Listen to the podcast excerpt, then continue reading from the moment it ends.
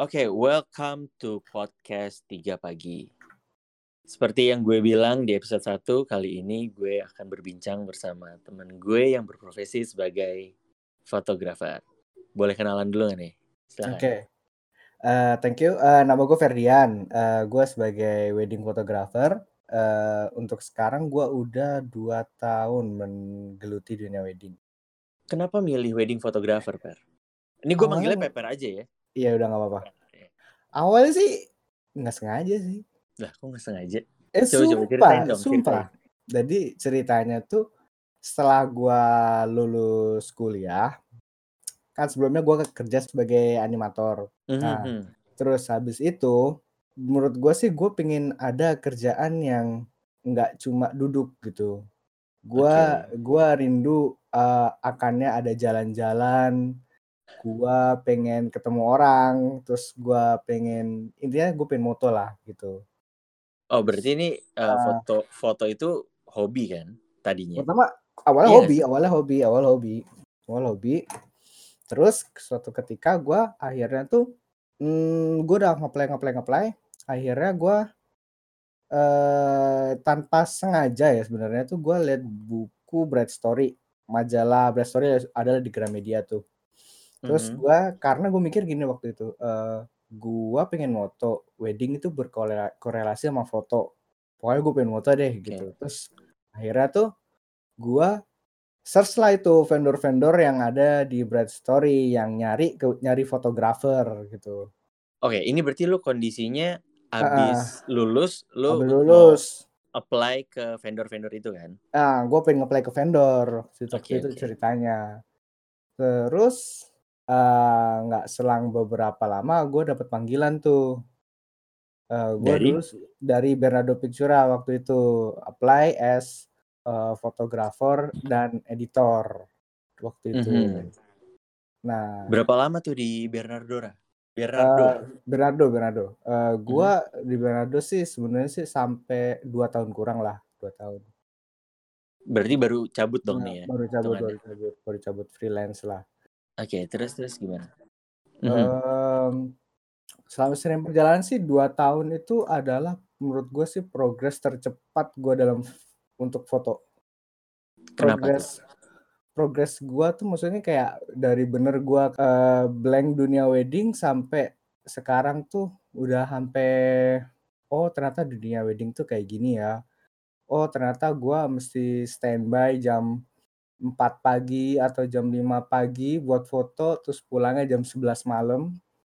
Jadi bener-bener fotografer wedding itu kayak bener-bener kayak one day itu bener-bener kayak exhausted banget sih, capek sih. Dan dan itu nah. kerjanya di weekend kan kayak gitu? Iya, ketika lu pada liburan kita mah pada kerja. Nah, kayak terus gitu. uh, pertanyaan gue, uh, liburnya kapan? Kalau waktu gua kerja dulu ya, uh, dulu kan gua sempat sebagai editor juga. Mm-hmm. Jadi gue bener kayak Senin sampai Jumat itu gua tuh kerja ngedit gua. Uh, gua mm-hmm. ngedit di situ.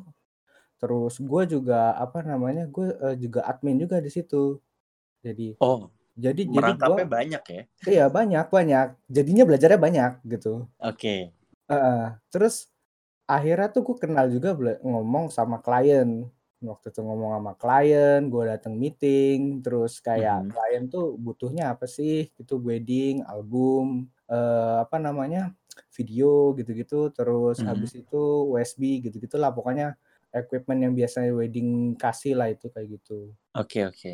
Terus tapi baiknya bos gue adalah dulu tuh, dia tuh bener-bener kayak ngajarin gue gitu. Jadi kayak, apa namanya, dari segi megang kamera pun, megang aja gue tuh kadang-kadang sering diomelin gitu. Diomelin padahal tuh, lu udah terbiasa padahal kan, gue pegang kamera. gue udah bilang gue padahal tuh selama gue ngeplay sebelum ngeplay itu kan gue udah hobi foto-foto gue gue udah hobi hmm. foto gue udah intinya udah lumayan lah pegang kamera tuh paham. Tapi ketika gue masuk situ gue dimarahin lagi tentang megang kamera gitu. Itu baru Terus, megang doang? Baru megang doang megang kamera. Nih apa sih? Gitu kok kok gini doang dimarahin gitu. Ternyata bener okay. ketika kayak lu kalau ngambil dari ngam, em, apa angle dari agak atas nanti kesannya gimana nanti kalau lu ngambil pesannya beda ntar gitu. Iya ya. uh, jadi beda gitu perspektifnya beda. Jadi kalau satu kalau dari atas tuh agak misalnya kayak agak bantet kalau misalnya kalau dari agak bawah tuh kayak kesannya tinggi gede gitu loh. Jadi kayak di itu sama aja kayak yang kita pelajarin pas kelas sinematografi nggak sih? Di pas di kampus. Uh, kayak uh, uh, uh. penggunaan lensa ya kan? Itu akan iya benar-benar banget sih benar banget sih. Iya itu. Uh, dari itu juga pengaruh tuh pegang lensa juga. Terus yang paling banyak ngaruh sih komposisi sih komposisi.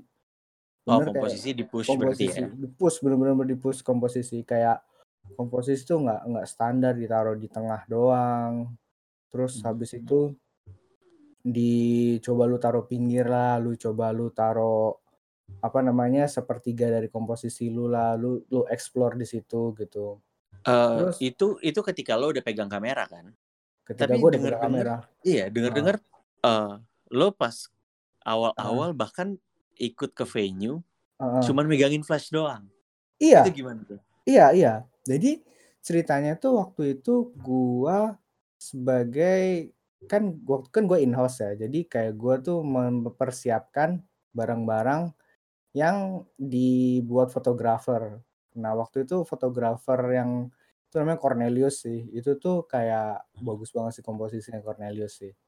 Nah itu gue hmm. ngeasisin dia juga si Cornelius itu. Megangin okay. flashnya terus tapi walaupun ada asisten tapi kadang-kadang gue juga gitu. Tapi gue juga belajar gitu kayak uh, gue mesti di mana sih kalau misalnya si Cornelius lagi moto gitu? Apa gue di deket dia atau gue agak-agak jauh atau atau gue bikin ke uh, 45 derajat lu berapa lama berapa lama jadi megangin flash doang gitu? Uh, sebenarnya dari megang flash itu ada juga gue nge-backup data sih backup data dari fotografer fotografer oh iya itu sebenarnya salah satu job desk yang penting ya kan? Cuma ya, salah satu job desk gue waktu itu sih.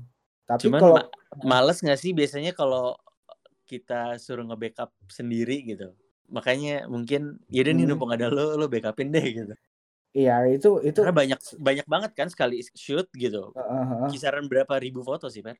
Um, kalau sekarang ya, mm -hmm. kalau sekarang sih gue bisa dua ribu sih untuk moto. Satu kali seribu seribuan sampai dua ribu lah itu satu hari. satu fotografer gitu kan? Belum kalau fotografer. ada dua atau tiga gitu. Iya itu udah itu pada udah itu banget sih. Udah gede banget lah. Pokoknya dua tera tuh sebulan habis lah pokoknya. Dua tera untuk uh, storage-nya doang tuh storage doang uh, dua tera tuh gue penasaran nih kalau hmm. pas lo kerja di vendor gitu karena kan gue hmm. nggak hmm. nggak kerja di vendor ya uh, hmm. fotografinya terus ketika wedding day uh, uh. itu satu tim tuh berapa berapa orang sih dan apa aja gitu role-nya mereka Oke, uh, tergantung sih. Kalau wedding yang gue vendor dulu kerja sih, dia lebih internasional ya, uh, apa hmm. namanya, yang ada pemberkatan, terus ada, uh, resepsi di apa, di ballroom gitu-gitu.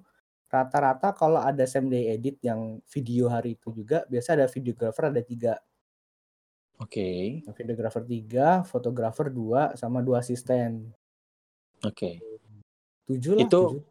Berarti oh sekitar sekitar tujuh orang berarti ya sekali tujuh, satu tempat lah ya sam hmm. dari pagi sampai malam gitu. Hmm, hmm. Nah tujuh, uh, tujuh orang itu ketika hari H kerja ya, uh. kan lo bilang berangkat pagi tuh. Emang harus uh. pagi apa sih? Bener pagi cuy. Kalau misalnya ya si apa namanya mempelainya di rundown suruh datang jam 5 ya kita mesti berangkat dari rumah misalnya katakanlah rumah lu di BSD lah sejam hitungan di jalan lu masih berangkat dari rumah jam 4 cuy jam 4 jam 4 pagi jam itu berarti berangkat uh, brides-nya lagi make up lo ha udah harus standby di situ dong iya sebenarnya ini ya kalau misalnya udah sering ke dunia wedding ngambilnya sih nggak nggak sampai lagi foundation tuh nggak pas hmm. akhir-akhir aja udah mau cantik biasanya sih kayak gitu Oke. gitu. Terus kalau untuk cowoknya, uh-uh. itu gimana? Kan cowok biasanya nggak terlalu di makeup lah ya, bahkan uh. iya cuma ala kadarnya aja gitu. Iya. Setahu gue gitu ya, nggak tahu sih ini uh, pengalaman yang lo ini kan lo bahkan udah sampai uh, motret wedding di Singapura nggak sih? Pernah, iya, iya. Ikut ya kan? Iya, nah itu coba deh uh, jelasin gimana kan kata orang tuh uh, wedding photographer tuh template kan. Template-nya tuh kayak gimana sih? Oke. Okay. Maksudnya kayak mungkin lebih ke foto aman sih. Foto aman tuh gini, hmm. foto yang selalu klien butuhin gitu. Mm -hmm. Gitu loh. Jadi kayak jangan sampai ketika lu foto menurut lu ini banget nih, misalnya tiba-tiba ngeblur lah, blur emang bagus, tapi kadang-kadang kan klien kan pengennya kan maunya ada muka dia yang yang jelas gitu loh, nggak semua kadang-kadang uh, idealis yang buat foto tuh bisa diterima gitu loh. Kadang-kadang oh, lo harus menyesuaikan dengan vendornya uh, juga nggak sih? Menyesuaikan dengan vendor juga sama dari kliennya juga gitu. Maksudnya gini, ya lu bikin lah misalnya kayak ada foto aman lu misalnya eh, 60 40 lah ketika lu udah ngambil foto aman gitu terus habis itu uh, lu boleh deh explore deh kayak gitu. Hmm, oke. Okay. Gitu. Terus nih uh, pas lo kerja di wedding yang uh, internasional gitu. Uh, uh, uh. Terus rasanya gimana sih rasanya? Ya karena udah sering sih ya akhirnya ya sosok aja sih sebenarnya. Tapi ya siap klien sih pasti punya apa ya, punya kesan sendiri kadang-kadang malah menariknya dari sisi klien sih menurut gue sih. Jadi kayak waktu itu ada tuh pember uh, waktu jemput-jemputan jadi si cerita si cowok sama si cewek yang ketemu pertama kali ketemu setelah makeup tuh di hotel. Mm -hmm. Dia mang dia nyolek ceweknya kayak manggil ayam jir yang tuh kukur gitu loh. Lu tau gak sih kayak lu manggil burung itu kayak iya. ker, ker, ker, gitu.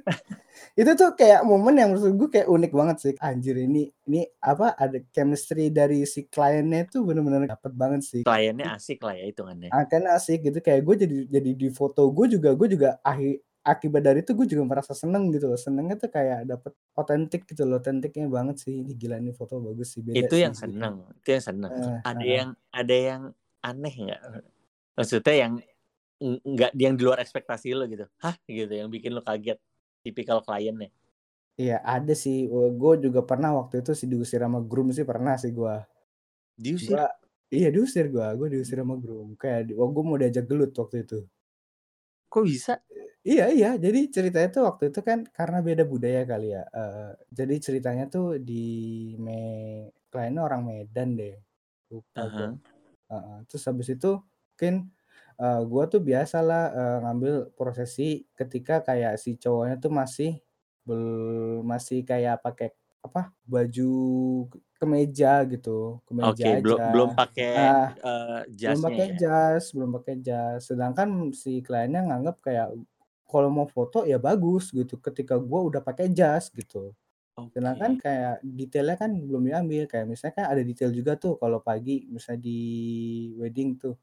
Misalnya mm-hmm. ngambil kalau dari groom kan biasa gue megang groom, uh, ada jamnya, ada sepatunya, ada gitu itu ada prosesi kayak pura-pura pakai jam gitu sebenarnya. Okay. Tapi tapi mispersepsi, mispersepsi dari si kliennya uh, kayak dia tuh pin fotonya tuh udah pakai jas gitu. Terus akhirnya kayak nggak terima emang waktu itu agak sempet naik sih intonasinya sih serem juga gitu. Itu WO sama fotografer sama videografer mundur semua sih. Tuh, okay. gue juga mundur waktu itu terus habis itu akhirnya gue cuma Uh, terus akhirnya gue juga bingung juga nih, gue ngapain gitu. Terus akhirnya gue gue ambil lah detail-detailnya. Detail-detailnya, terus habis itu kayak sepatunya gitu-gitu. Mhm. Udah, terus gue balikin sesuai dengan omongan gue, terus habis itu gue gue nunggu kayak take apa namanya, bikin apa ya, kasih me time buat kliennya gitu loh. Oh, untuk nenangin dirinya uh, dulu lah ya? dirinya gitu. Terus akhirnya setelah dijelasin WO lagi, terus kita ngasih penjelasan, terus akhirnya, "Oh ya udah, oke oke," gitu. Akhirnya Akhirnya ngerti berarti kliennya kan? akhirnya kalem ya, ngerti juga. Hmm. Tuh. Terus apa, ada ada lagi nggak? Dari segi oke tadi dari segi klien ketika lo mau thread, kan lo sebagai editor juga nih. uh, Biasanya kan klien ada yang minta aneh-aneh nggak sih editingnya? Oh, iya, gue pernah tuh udah editing Ketika waktu itu, uh, fotonya kliennya di ini, di di danau. Danau okay. buatan gitu, terus danaunya tuh warna coklat. Mm-hmm. Terus terus dia request gini, "Eh, gue mau danaunya warna hijau dong." gue mikir terus kayak, danau danaunya aja? Terus kayak, "Ini ya danaunya aja?" "Iya danaunya aja." Terus gue mikir, "Ini gimana warna danau hijau doang. Kalau gue naikin hijaunya nanti yang lain ngikut dong. Lu tau Akan gak sih berubah gitu. Iya, ya, iya. kalau misalnya hue saturation nih, misalnya atau apa pun pasti kan ada ke berdampak yang ke lain iya, gitu. akan berdampak ke warna lain lah ya. Warna lain gitu. Terus akhirnya terus gue kayak ini gimana lagi gitu. Terus akhirnya ya udahlah. Gue sama teman gue Budi kan waktu itu ada juga yang bantuin editor juga waktu itu. Hmm. Uh, DI atau gimana? Sama editor juga, editor juga. Nah, maksud gue di hmm. Lo lo DI digital imaging danaunya, ya, danaunya ya, doang ya, atau gimana? Iya, danaunya doang. Gue seleksi tuh. Lu oh, okay. lu tahu pentul tuh di apa namanya di yeah, Microsoft. Yeah, yeah. Itu tuh gua gua warnain itu udah gua gua seleksin itu tuh, tuh kayak danaunya gitu. Buset gila udah. Jatuhnya ya lu masking lah ya, cuman danau ya, masking, ya ya di masking ya di masking itu udah warna danaunya tuh kayak Hmm, I see. Ya, terus akhirnya terus terus katanya katanya sih gue waktu itu gue nggak tahu lagi sih update-nya. Katanya nggak udah dicetak album dia bilang nggak suka. Terus kayak gue kayak bingung gitu. Eh itu kayak gitu tuh di preview dulu nggak sih? Sebenarnya sih di preview, kadang tuh uh, di preview juga oke-oke aja, tapi kadang-kadang pas dicetak kan taunya kan beda tuh gimana. Oh karena kan, cetaknya mediumnya besar gitu ya? Iya, jadi kayak mungkin entahlah gitu kelihatan oh, atau apanya gitu. Terus uh, bentar nih. Ini kan lo udah selesai nih dua tahun gitu ya mm-hmm. di Bernardo Pizza. Mm-hmm. Sekarang lo denger-dengar bikin apa vendor baru ya? Iya, gua diri sendiri. Berdiri sendiri, Bismillah. Uh, apa tuh apa tuh namanya? Namanya langkah kecil. Uh, gue sih uh, setelah belajar dari situ tuh akhirnya lumayan banyak sih bersyukur alhamdulillah sih dapat banyak banget ilmu. Jadi akhirnya memberanikan diri untuk membuat langkah kecil ini gitu. Gua, uh, apa namanya, mencoba untuk ini sebuah, uh, kayak tradisional sih, lebih ke bawa kena uh, tradisional jadinya. Oh, karena Dengan uh, gaya style sendiri gitu, pengen bawa ke tradisional gitu. Hmm, Macam kayak gitu. Promo dong promo dong, bisa bisa follow Instagramnya di mana? Uh, apa namanya? sama ini masih ini aja sih, di Instagram aja Langkah Kecil, tapi kecilnya K-E-T-J-I-L. Kecil. Ejaan lama ya. Sih? Ejaan, lama. Iya, okay. itu sih. Itu boleh, itu boleh di-follow at langkah okay. kecil. Okay. Ya itu ya. Nah, gitu. kenapa lo akhirnya memutuskan untuk berdiri sendiri gitu? Hmm, semestinya pas momen pas momen ya. Jadi kayak ketika bos gua memutuskan untuk membuat bisnis baru gitu. Iya, karena uh, kenapa gue nggak terjun ke wedding maksudnya sebagai mm-hmm. utamanya gitu ya mm-hmm. uh, orang tuh ya merit pasti pengennya cuma sekali dong nih mm-hmm. jadi kliennya mm-hmm. uh, akan terus berganti gitu lo nggak bisa maintain klien yang sama Sudah, menurut sebenarnya gini uh, dari misalnya kayak si klien lah misalnya lu puas sama wedding lu gitu nah itu dia bisa nyamber ke klien sebenarnya. Dia emang biasanya satu klien kadang-kadang ya udahlah gitu selesai gitu, wedding aja atau nggak private aja gitu. Tapi kadang-kadang mm-hmm. ada ada juga kayak misalnya kayak eh gua uh, percaya sama lu nih waktu wedding gua foto gue suka banget nih kayak foto lu gitu. Terus Iya, jadi dari mulut uh, ke mulut kan marketingnya. Iya. Terus habis itu dia gini, uh, lu mau nggak fotoin anak gua yang baru umur setahun gitu atau nggak eh lu mau nggak fotoin family gua gitu Kayak oh gitu. jadinya itu ya. menghasilkan uh, ke genre lain ya? Ke genre lain, iya. Jadi gue pernah tuh waktu itu uh, bos gue uh, fotoin. Uh, jadi waktu itu ada dua bersaudara lah. Uh, okay. Cicinya sama kokonya. Kokonya tuh yang nomor dua. Nah kokonya tuh nih foto sama Bernardo gitu. Mm -hmm. Nah setelah dia udah punya anak, nah cicinya baru nikah. Akhirnya dia rekomendasin Bernardo lagi gitu. Jadi dia dapat uh, Berado dapat lagi di incinya.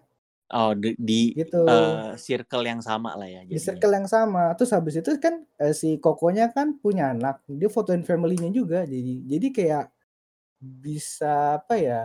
Asal lu service lu bagus, pokoknya uh, treat your client well lah intinya. Terus kayak intinya seolah sih ada rezekinya nyamber sih. Iya sih, kalau itu nah. oke lah, gue setuju sih. Uh, wedding itu sebenarnya sih uh, lumayan agak susah di awal sebenarnya ya. Kayak lu pitching ke kliennya ya. Misalnya gini, uh, klien A nggak tahu apa-apa. Terus habis itu kayak otomatis dia punya beberapa pilihan vendor dong, misal A, B, C, D, E. Terus gimana akhirnya dia menuntun ke uh, vendor lu gitu dari sekian banyak vendor yang ada.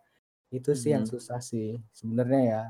Tapi dari hmm. pengalaman gue ya, gue pernah ikut workshopnya Kalia. Jadi hmm. si si Jonathan Susilo tuh dia cuma bilang kayak sekarang sih kliennya udah tinggal rekomend aja gitu jadi dari word to mouth sih masih berlaku sih impactful gitu kadang nggak perlu sampai advertising kayak kapan tahu gitu terus oh ya oh. ada satu yang bilang uh, bagus ini si Jonathan Susilo Josu gitu Josu. Uh, kadang-kadang hmm. tuh kita terlalu fokus kayak misalnya kayak Instagram ad terus apa namanya misalnya kayak pameran gitu-gitu. Tapi sebenarnya baik lagi adalah sebenarnya ke customer gitu kayak how treat your client. Misalnya kayak sering dengerin apa klien tuh requestnya apa gitu. Kayak ngasih hmm. ngasih editan tepat waktu jangan ngaret-ngaret gitu. Kayak gitu sih bener bener bener uh, terus gue mau nanya nih menurut lo ya mm -hmm jadi fotografer di Indonesia tuh menjanjikan gak sih? Cukup menjanjikan sih menurut gue sih. Cukup menjanjikan. Cukup doang apa menjanjikan? Um, tergantung orang sebenarnya. Jadi kayak enggak sekedar apa namanya enggak sekedar kayak foto bagus gitu loh. Jadi fotografer nggak cuma foto bagus, tapi dia cuma bisa nge-treat client well, no business, itu baru bisa sih yang sukses. Jadi nggak cuma menjanjikan itu maksud gue lo bisa hidup dari fotografi ini gitu. Bisa, bisa. Asal tekun aja gitu, tekun. Tapi ada ada masa kayak sepi kayak gini ada. Oh, Asal, kalau ini karena pandemik uh, ya kan? Pandemik itu tuh Gimana pada sih. pada pospon gak sih? Wah, pada pospon gua. Eh, gua... tapi lu kemarin masih motret ya? itu udah DP Pak, kliennya Pak, nggak enak saya Pak. udah dilarang keluar terus lu masih motret gitu. Tapi kliennya mau ya udah gue dateng. Ya untung nggak ketangkep ya kan? Untung enggak. gue juga apa namanya ya udahlah gitu namanya juga klien udah ini tapi gue juga preventif dari diri gue sendiri sih kayak gue pakai masker gue pakai hand sanitizer gitu Macam terus ini deh uh, nyerempet nyerempet akhir lah ya mungkin ini karena udah mau uh, 30 menit kali okay, uh, insight dong buat yang mau terjun ke dunia fotografi nih. Misalkan baru nih kan sekarang ba- uh, uh. gampang banget ya orang maksud uh, gue tuh orang gampang ngeklaim dirinya sebagai fotografer, bener nggak? Uh, uh, sekarang ini. Karena yeah. ya mudah, digital semua. Terus uh, kamera sekarang bagus-bagus. Iya, kamera sekarang bagus-bagus gitu kan. Uh. Lo punya duit, hmm. beli lensa yang oke okay, terus hmm. padahal ternyata pakai auto gitu kan. Hmm. Okay. Walaupun auto nggak nggak selalu salah dong, motret uh, motret pakai auto itu tidak selalu salah. Insight-nya uh, untuk yang dia baru baru mau terjun ke industrinya nih, buk. Uh, jadi bukan ngaku-ngaku uh, lagi, tapi dia emang mau serius gitu. Oke. Okay. Tips and triknya apa? Saran gua sih nggak ada yang paling cepat belajar dari berguru ke seseorang. Mm -hmm. Entah lu ngikut vendor, entah lu tuh ngikut temen lu. Karena kayak misalnya gue sebagai pengalaman gue sih ketika lu dikerja di vendor gitu uh, lu bakal dapat feedback dari beberapa orang. Kayak waktu itu gue pernah dikomenin juga sama Per lu kok foto ke tali sepatu 17 biji? gitu. Terus terus gue kayak hah 17 biji iya sini sini gitu. Terus gue kayak ngeliatin lah iya gue foto foto ingin ke tali sepatu doang 17 biji. Itu mah ngapain? gitu. Apalagi gue foto pakai raw. Kan berasa. Berarti lo dituntut untuk bikin foto yang langsung bagus bukan kuantitinya banyak gitu? Kuantiti ya kuant eh, lebih ke quality sih quality. Iya jadi jadi lebih motret tuh kalau bisa langsung bagus jadi iya, daripada lu motret gitu. banyak mendingan lu motret satu bagus selesai gitu mm -mm. Hmm. Kualitinya yang ditingkatin lagi kualitinya.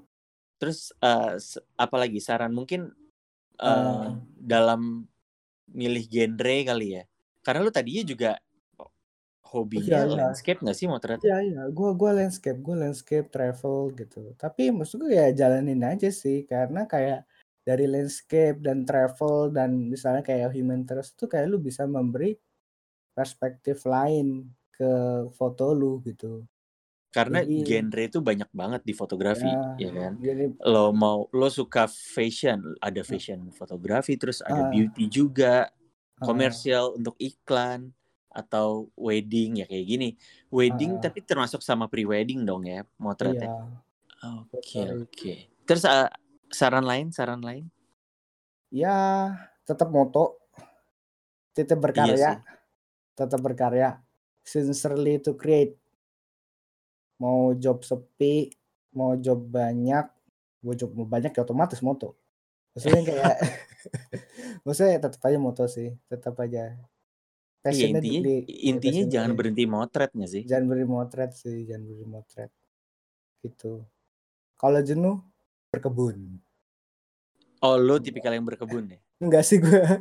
gue gue kalau misalnya kayak misalnya kalau jenuh sih gue mungkin lebih suka jalan-jalan sih kayak jalan-jalan ke mana.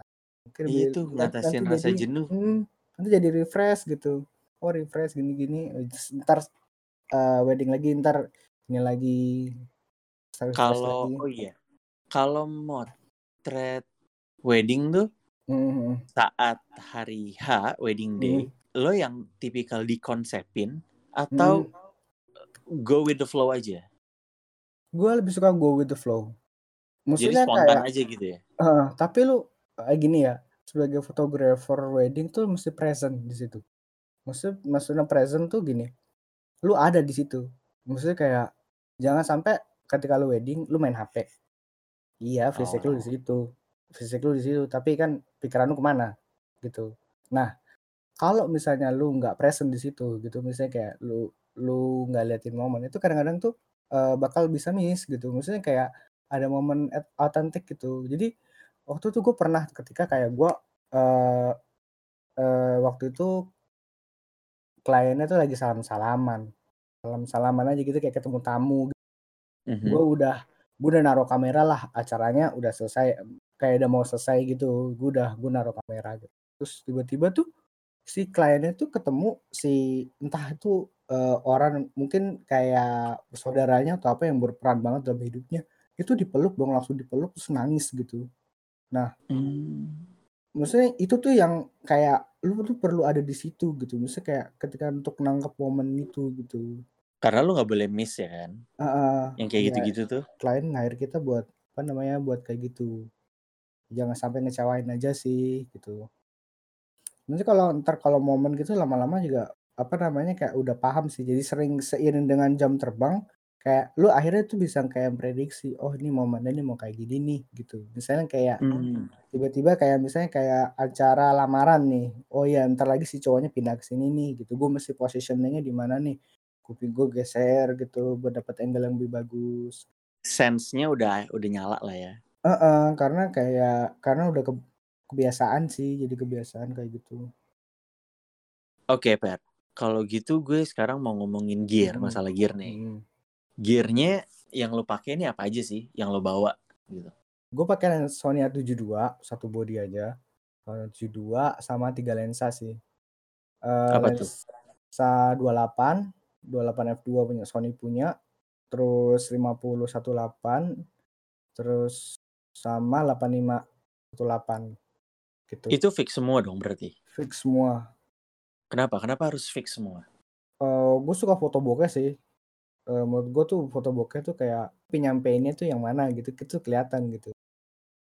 Karena foto bokeh. Uh, gue dapat quotes dari Benny Lim Uh, bokeh is emas gak sih kalau di di wedding fotografi gitu?